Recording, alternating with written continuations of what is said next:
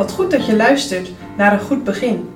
In deze podcast brengen we de boodschap van Romeinen dichtbij. Vandaag met dominee Visser.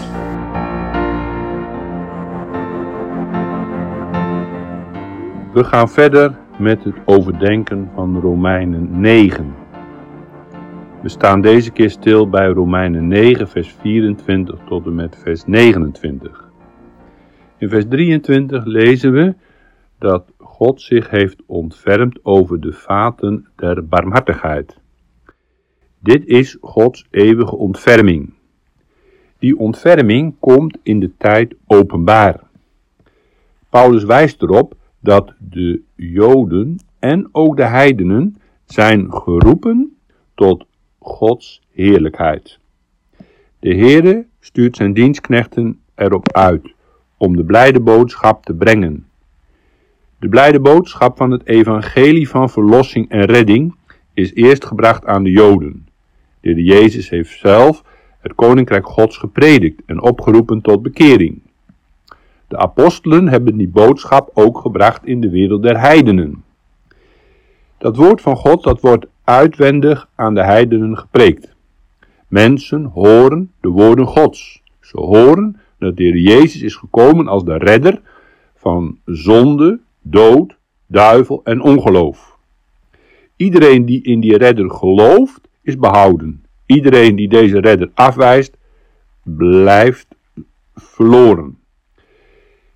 Het wonder is dat ook de heidenen worden geroepen, door het woord en inwendig door Gods geest. Dan wordt het hart geopend, zoals bij Lydia. En zo bouwt God zijn kerk uit Joden en heidenen. Dat is het wonder van het Nieuwe Testament.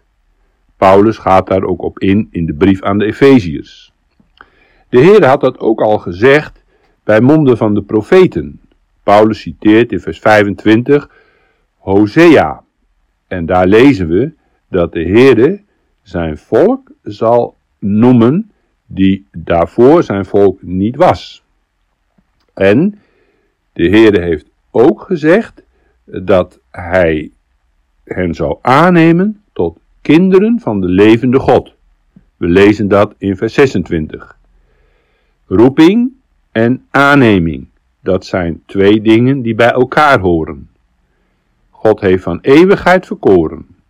Daarna roept hij inwendig in de tijd en vervolgens neemt hij zondige mensen aan tot zijn kinderen. We noemen dat de aanneming tot kinderen. Daarbij is het wel zo dat het de Heere uit het volk van Israël een overblijfsel heeft aangenomen. En dat hij uit de heidenen er in de dagen van Paulus zeer velen heeft aangenomen. We lezen in vers 27 en Jesaja roept uit over Israël, al waar het getal der kinderen is als gelijk aan het zand der zee, zo zal een overblijfsel behouden worden. Een overblijfsel, een rest, uit die, grote hoeveelheid Joodse mensen, wordt behouden. We komen die gedachte van een overblijfsel ook al tegen bij Jesaja. En ook weer in het Nieuwe Testament. We kunnen denken aan Paulus, aan Petrus, aan de apostelen, aan de Joodse mensen die in die tijd behouden werden. Het merendeel van de Joden echter heeft de Messias verworpen en wordt niet behouden. Maar de kerk wordt wel gebouwd. De Heerde bouwt dan zijn kerk uit de heidenen. Denk aan de stokbewaarder, aan Lydia en aan talloze anderen waarvan we lezen in het Nieuwe Testament. We lezen in vers 28 dat de Heere een zaak voleind en dat hij afsnijdt in rechtvaardigheid. De Joden die zich verharden en de Messias verworpen, worden afgesneden in rechtvaardigheid. De Heere gaat hen voorbij. De heidenen daarentegen neemt hij aan. De Heere heeft een overblijfsel, ook onder de Joden. Maar de kerk wordt sedert de Pinksterdag gebouwd uit Joden en heidenen.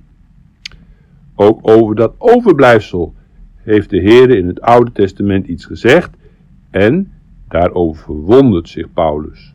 Want indien de Heere Zebaoot ons geen zaad had overgelaten, dus geen overblijfsel had gelaten, Joodse volk zou aan Sodom en Gomorra gelijk geworden zijn. De Heer heeft echter ook een overblijfsel onder het Joodse volk. En zo zien we dat vanaf de Pinksterdag de kerk bestaat uit Jood en Heiden en dat het welbehagen van de Heer voorspoedig voortgaat.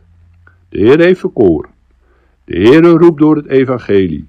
De Heere neemt zondige mensen tot zijn kinderen aan. En zo zal het eenmaal op de jongste dag een schade zijn die niemand tellen kan.